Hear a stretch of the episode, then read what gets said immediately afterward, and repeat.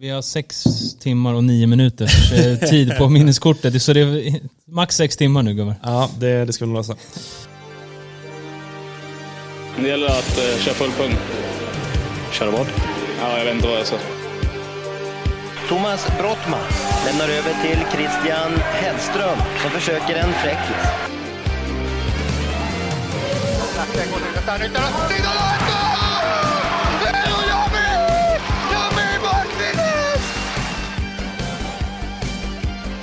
Ballförlust und jetzt nicht oh,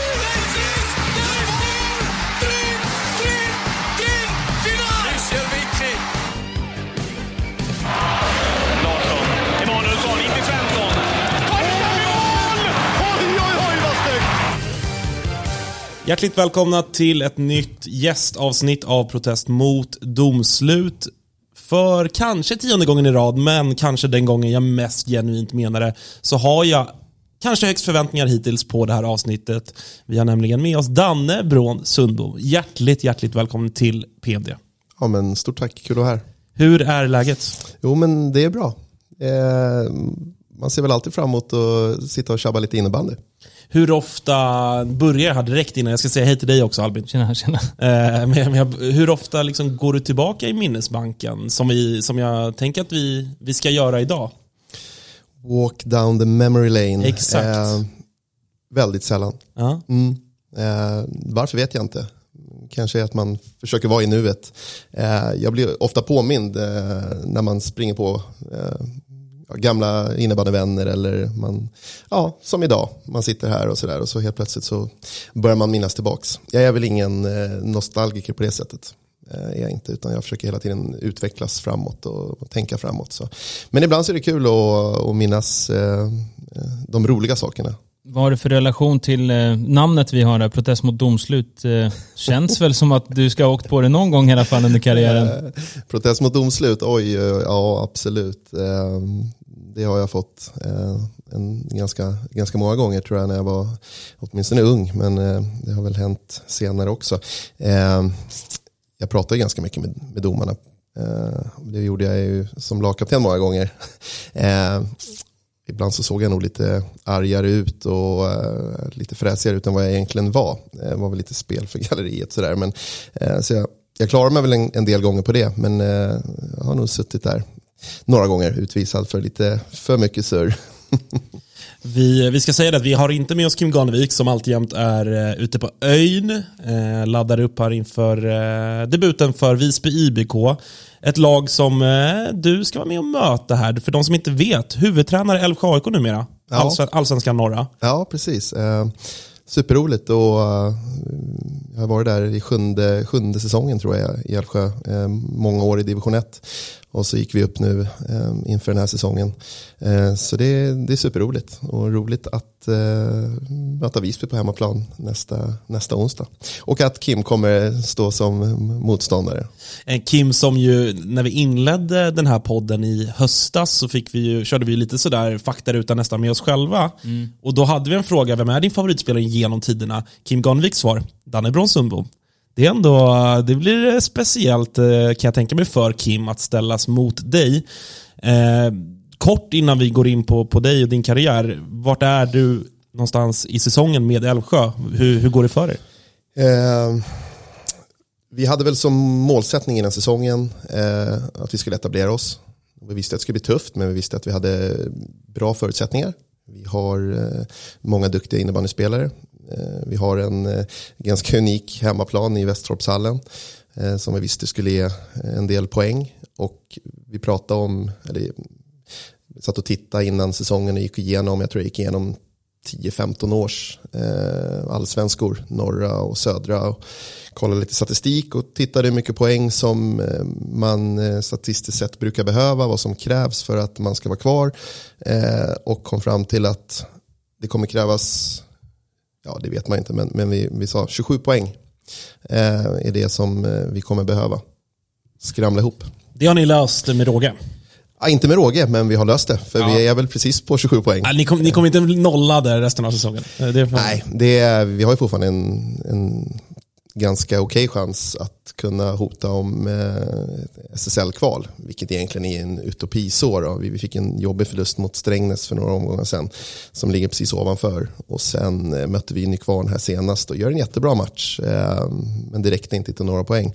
Så att det ska väl bli tufft, eh, det kommer bli tufft. Vi måste i stort sett gå, gå rent om vi ska hota om en sån sak. Men vi har gjort en, eh, en väldigt bra eh, säsong och vi ska försöka avsluta på ett bra sätt nu också. Det hade varit intressant att höra vad du säger om eh, säsongen, alltså kvaliteten i år. För jag tycker att alltså, serien Allsvenskan norra som helhet hå- håller ganska låg nivå, men spetsspelarna är ju på en extremt hög nivå. Så det, det är lite motsägelsefullt av mig, men du, jag tycker att det, det, är liksom, det är någon slags blandad nivå. Du har liksom Aren, Adam Nilsson, Kohonen, Ulriksson, Madani Christensen. Liksom, du har ju mött alla de här, Ja. så många spelare som du har mött och spelat och sett genom karriären. Vad, vad säger du om de här bästa spelarna?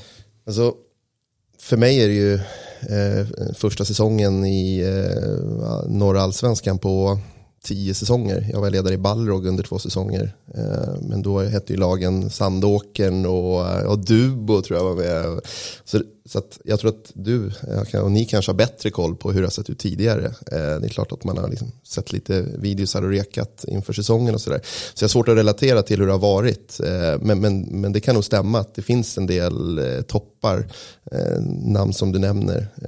Men sen generellt så är det väl många eh, av nykomlingarna både i norra och södra som har gått väldigt bra. Eh, och det kan ju delvis kanske bero på då att serien inte är så bra som den har varit tidigare. Men jag kan inte, eh, jag kan inte relatera till det riktigt så. Vem av de här spelarna har imponerat mest då? Ja, men ska vi gå dit nu igen? Jag satt ju nämligen, eh, jag hade faktiskt inte så bra koll på, eh, jag är ledsen för det, men jag har inte så bra koll på er, er podd. Men eh, när vi pratade här så, eh, det är klart jag gick in och lyssnade, då tror jag avsnittet hette Kopp i sargen, kan det heta något sånt? Det är några avsnitt sen. Eh, Det var Jesper Lindström som jag ville skulle släppa loss lite. Ja, det var, och, och jag tror att det var det avsnittet där ni eh, spädde på om Gabriel Konen. Eh, Just det. Ja, Just det, jag kallade honom världens bästa innebandyspelare. Helt, under, helt underbart. Jag, jag, jag, stod faktiskt, jag tog faktiskt med telefonen in i duschen och eh, satte på Spotify och lyssnade. Och så satt jag där inne och så garvade jag så min fru började knacka på dörren. Vad håller du på med? Så jag kom ut och så... Alltså, en jävla galning som sitter och kallar en 18-åring i, uppe i, i RIG för världens bästa innebandyspelare. Ja, men det var, det var ett härligt avsnitt. Mycket, ja, men det, det var bra. Eh, därför kändes det ju extra roligt när ni ville ha hit mig. För jag tycker det är en, en, en, jättekul med folk som engagerar sig i innebandy och, och, och så här. Så att jag, jag stod och garvade åt många saker i, i det avsnittet och tyckte det var jättebra. Tyvärr har jag inte hört så mycket mer, utan det var, det var just eh, det avsnittet. Men är Gabriel Konen... eh, Gabriel Konen är helt, alltså, jag brukar stå på träningarna med min tränarkollega Magnus Falman och man pratar om allt man hinner med jord och innebandy och, och vi bara tittar på varandra och så Konen, alltså när vi mötte RIG uppe i, i Umeå här, det var, det var helt galet.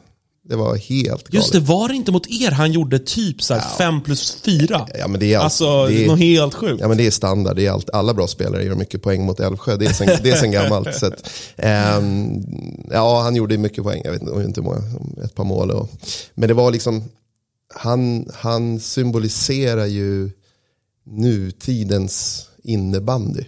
Han är liksom, att göra de här movesen, de här Zorro-finterna i den här farten och liksom de här passningarna, skottet, alltså allt. Det är så här, ja men det försökte man göra själv när man spelade. Bara det att innebandyn hade ju inte utvecklats på det sättet. Jag kunde köra mina marksorgdragningar och sådär, men nu är det sån fartkraft.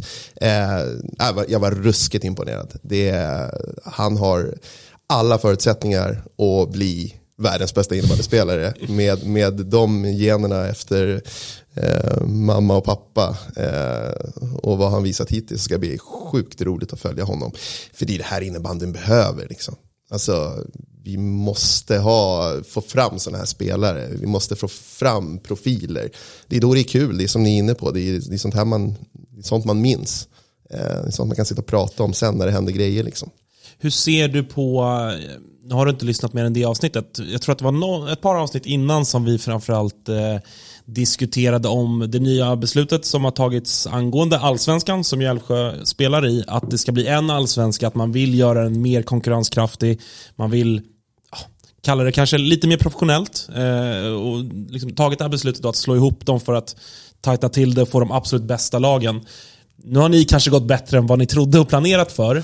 Men vad, hur har diskussionen låtit i Älvsjö AIK vad gäller det här beslutet? Hur ser du på det? Är det rätt väg för innebandyn att gå eller står du i Bele Barkarby, Bele Gorillas eh, ringhörna och menar på att det här kommer få massa bra spelare att inte orka köra vidare på allsvensk nivå? Ja, eh, nej, för mig är det helt uppenbart att det är rätt väg att gå. Alltså, sen förstår jag problematiken och liksom hur utövare, alltså hur innebandyn ser ut. Eh, men, men vi måste ju hela tiden framåt. Om vi går in på Gabriel Konen igen då som spelare så är det så här, det är någonting som har fört honom dit han är på väg, där han är nu liksom.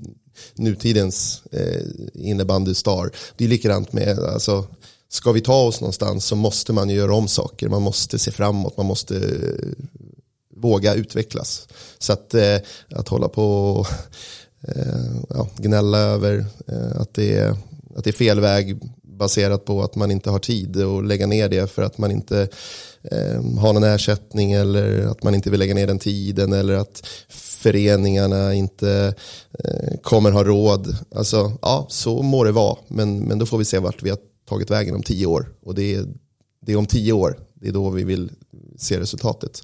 Så att jag, jag tycker att det är, det är såklart jättebra. Eh, Albin, ska vi skjuta iväg en liten faktaruta? Har Mm, du, eh, mm, är den renderad och uppdaterad eller eh, vad har du att bjuda på? Eh, jag tror att jag kan ha lagt till någon här, men den är, eh, den är orörd nästan sen senast. Jag tror att den är... Jag har just jag lagt till en liten fråga som vi borde haft med innan. En ganska självklar fråga egentligen. Så det är inga, inga större förändringar. Den är, den är stabil. Den är stabil. Eh, vi kämpar på den. Fullständigt namn. Eh, Göran Danne Sundbom. Mm. Och det uppenbara, det här med Danne. Mm. Berätta. Eh, ja, precis. Ja, men det, är for, det är ju fortfarande de som kallar mig för Dan eller för Daniel. Sådär. Eh, det var jättetidigt, jag vet inte hur gammal jag var, men jag måste ha blivit typ 18 eller 19. Och det var, det var ingen som, som sa Daniel, förutom min mamma. Hon var den enda som sa det. Och mödrar, de är ju sådär uppmanande och mammiga och det var ju alltid den här Daniel. Så till slut kände jag sådär, men det här är ju inte, jag måste ju, det här är inte jag. Så att då bytte jag namn och ändrade det till det som alla kallar mig, Danne. Så det, det är väldigt många år sedan idag. Lite rebelliskt nästan liksom. Ja, ja, kanske. Men man var väl lite reb- rebell så, Mm. på, på den tiden. Så att det ligger väl någonting i det. Ålder. Nyss fyllda 45. Jobba- Ålders, ålderskris? Nej. Eh, Haft någon? Har, har någon? Jag Nej. vet, jag, inte, inte, nej, inte, jag, man tänker på att man ska komma dit sådär. Eh, Jag har haft lite problem med kroppen, jag har blivit lite idrottsinvalid på senare åren sådär. Och det är tungt liksom när man inte kan gå ut och löpa eller spela innebandy och sånt där. Så att, eh, Ja, vi men- frågade innan om du har blivit eh, frågad om att vara med veteran-SM i helgen, Mm. men då, då foten satte stopp. Ja, jag fick en sån här olycklig skada, en, en, en, de kallar det för någon sån här posttraumatisk eh, artros eller brosskada. Så här, satte ner foten i marken eh, när jag var i en, i en backe och, och åkte typ snowracer och så. Det gjorde sjukt ont, det bara small liksom och så kände jag att det här var ju som att jag bröt något. Men det var väl brosk som, eh, ja. Så att sen dess så har det varit väldigt svårt att eh, göra någonting som man gillar, innebandy och fotboll och sånt där. Är till och med ont bara man går, så det är lite tråkigt. Men det har inte med åldern att göra, utan det, jag är för glad att det inte hände under min eh, innebandykarriär. För då var man ju ganska mycket skadad och flög över sargen och kämpade och sådär. Så att man får, man får se det positiva, det försöker jag göra. Det hänger lite ihop med nästa fråga här, eftersom att du, du kunde gå hit och du sa att det gjorde ont. Bor. Eh, bor precis runt, runt hörnet här från där vi spelar in idag. Eh, mittemot SVT-huset på Östermalm. Yrke. Eh, jag är fritidspedagog. Jag jobbar också precis i närheten av där jag bor, på en skola på Östermalm eh, som, där jag sitter och jobbar med föreningsaktiviteter som vi bedriver för våra barn som går i skolan efter, efter skoltid. Så att barnen och föräldrarna kan välja lite aktiviteter som barnen går på direkt i anslutning till sin skoldag. Väldigt många, allt från paddel till ja, innebandy eller tennis eller konstskola. Hur står sig eh, innebandy bland kidsen? Alltså jag, jag minns ju, vi, vi är födda 95 Albin. För oss var väl, ändå efter fotboll så skulle jag säga att ham, eller innebandy var den sport som spelades mest på skolgården. Hur, hur ser det ut idag? Eh, ja, tyvärr är det inte riktigt så.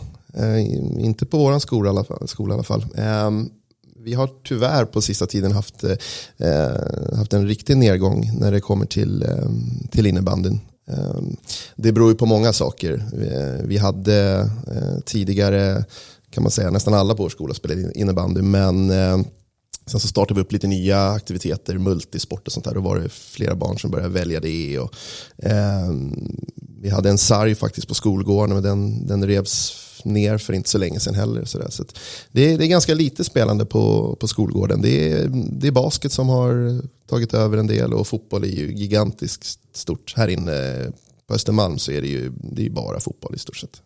Det är ju Djurgården framförallt, och även Värtan gillar vi inte. Nej, absolut inte. Vi pratade lite innan om att jag har ju minne från när jag var, var, var liten grabb att du var eh, fritidsledare ute i söderort där. Det var en liten snackis bland oss innebandy-kids att du höll till i Sköndal där på den tiden. Ja, precis. Ehm, det gjorde jag. Eh, innan jag flyttade in hit eh, och började jobba här och bosatte mig här så höll jag till ute i eh, Sköndalstrakten och eh, jobbade där under många år, mitt i centrum och sådär. Det, var, det var kul, så då hade man ju lite connection ute där du kommer ifrån i Farsta och sådär. Man var ju lite i Farsta, Farstahallen och sådär. Eh, titt som tätt. Mm, parketten där. Ja, fantastiskt. Eh, vilket är ditt bästa, starkaste innebandyminne? Oj. Eller vilka? Eller vilka? Mitt starkaste? Eh, det måste ju såklart vara någon av Eh, finalförlusterna i eh, eh, ja, SM-finalförlusterna helt enkelt. När man säger starka då kanske man tänker på något positivt men jag slungas direkt tillbaka till de negativa för det var fruktansvärt att vara uppe i SM-finaler och aldrig ta ett SM-guld. Eh, det kan gräva mig fortfarande. Eh, och det är väl en av orsakerna till att man inte vill leva i det förgångna heller och hålla på att tänka på alltså innebandyn har ju betytt så otroligt mycket för mig. Eh, och jag har så otroligt mycket positiva minnen. Men när man har lagt ner så mycket blod, svett och tårar för att bli bäst och så har man liksom inte eh, lyckats. Det, det, det kan fortfarande vara irriterande. Vad är det som är det jobbiga att tänka på? Är det speciella situationer i matcherna eller liksom förberedelser? Eller vad kan det vara som, som är jobbigt? Nej men det, det är väl bara det att man har eh, att man är som tävlingsmänniska. Att man vill vinna. Det är ju som nu. Eh, jag brukar säga det till mina spelare. Eh, alltså de kan ju gå hem och tycka det är jobbigt för att de inte har fått spela hela matchen eller för att vi har förlorat eller vad det nu må vara. Jag kan inte, jag kan inte sova efter en förlust. Det går inte. Det är, jag ligger halvvaken halva nätterna och det spelar ingen roll om vi har gjort en bra prestation. det, det går inte. För att man är en vinnarskalle. Alltså man, man är här för att prestera. Det är ju liksom, det, är det det handlar om när man lägger ner den här tiden. Eh, på sin egen, alltså dels när man var som spelare och dels när man är som ledare. Eh, sen är jag en väldigt, ganska, som ledare, jag ser väldigt mycket till individen och tycker det är jätteviktigt med det sociala eh, och sådana här prylar. Eh, men just, just att man vill vinna. Eh, och därför plågar det mig fortfarande.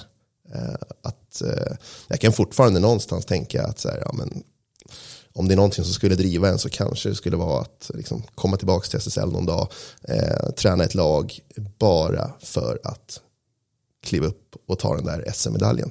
Det kommer ju aldrig bli samma sak, eller förlåt, inte med SM-guldet. Eh, det kommer inte bli samma sak eftersom man är ledare. Men, men liksom, den, den drivkraften någonstans. Eh, så.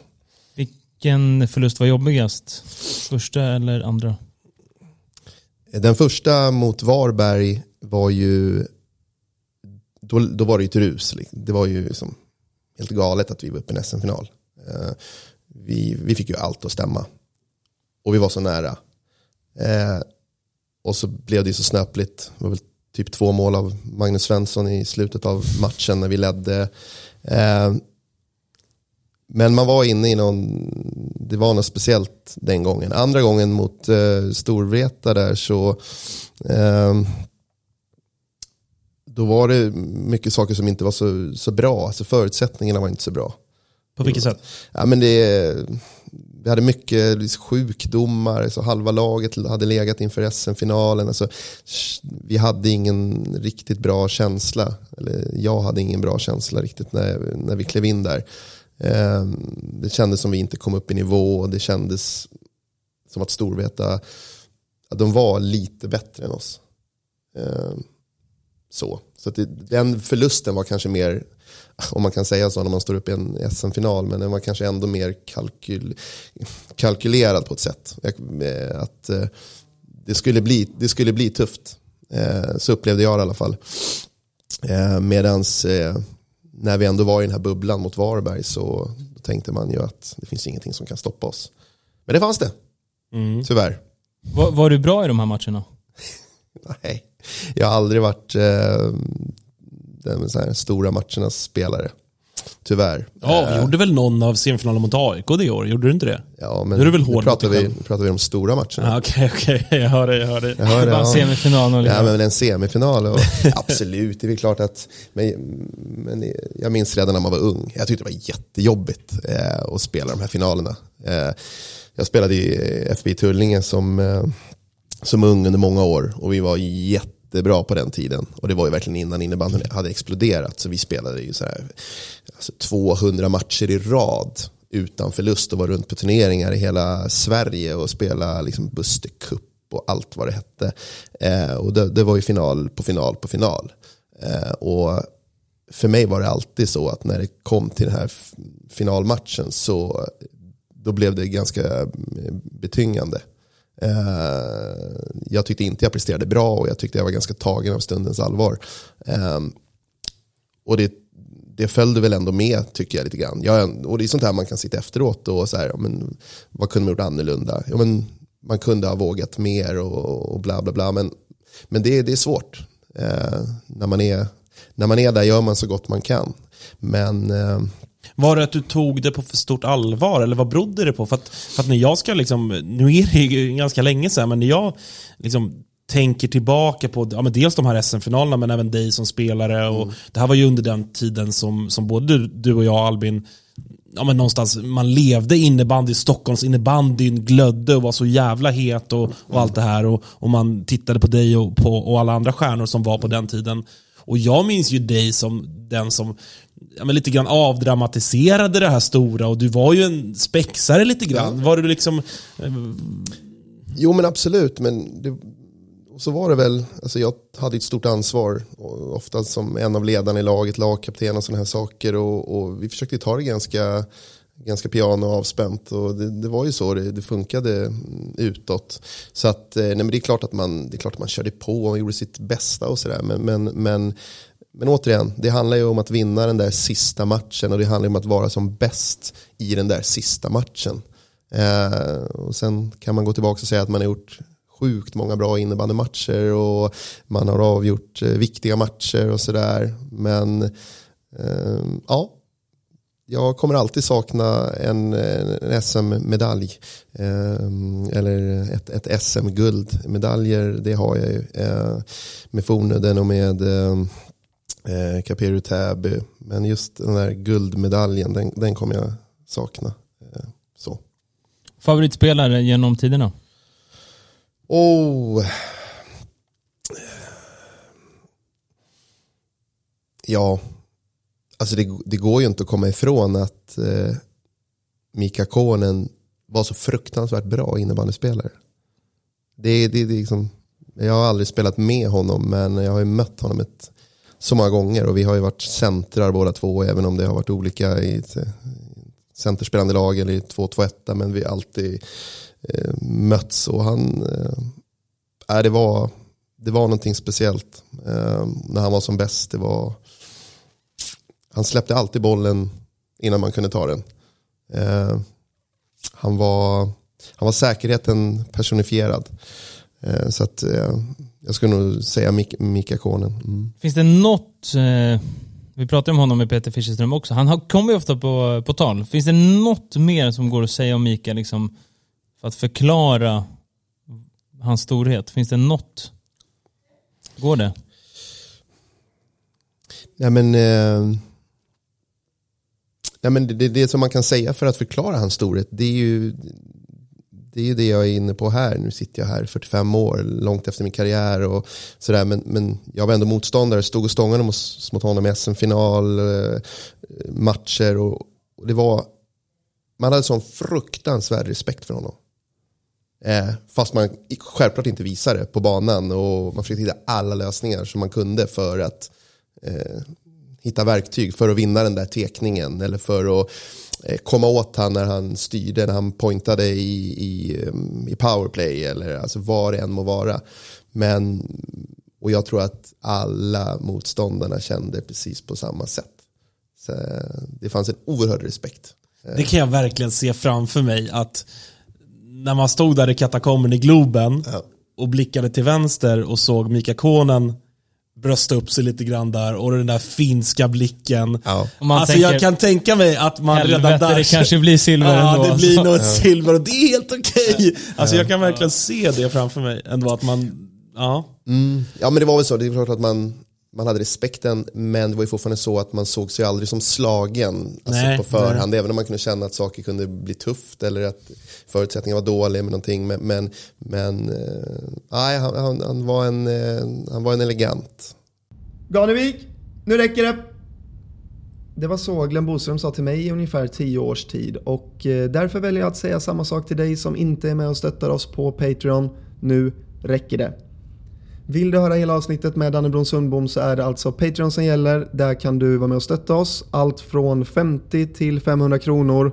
Och eh, då får du dessutom ganska många fina gästavsnitt på köpet. Så ta en liten titt där. Jag tror att eh, du kommer tycka att det är värt det samtidigt som det är väldigt viktigt för att vi ska kunna rulla på med vår lilla verksamhet.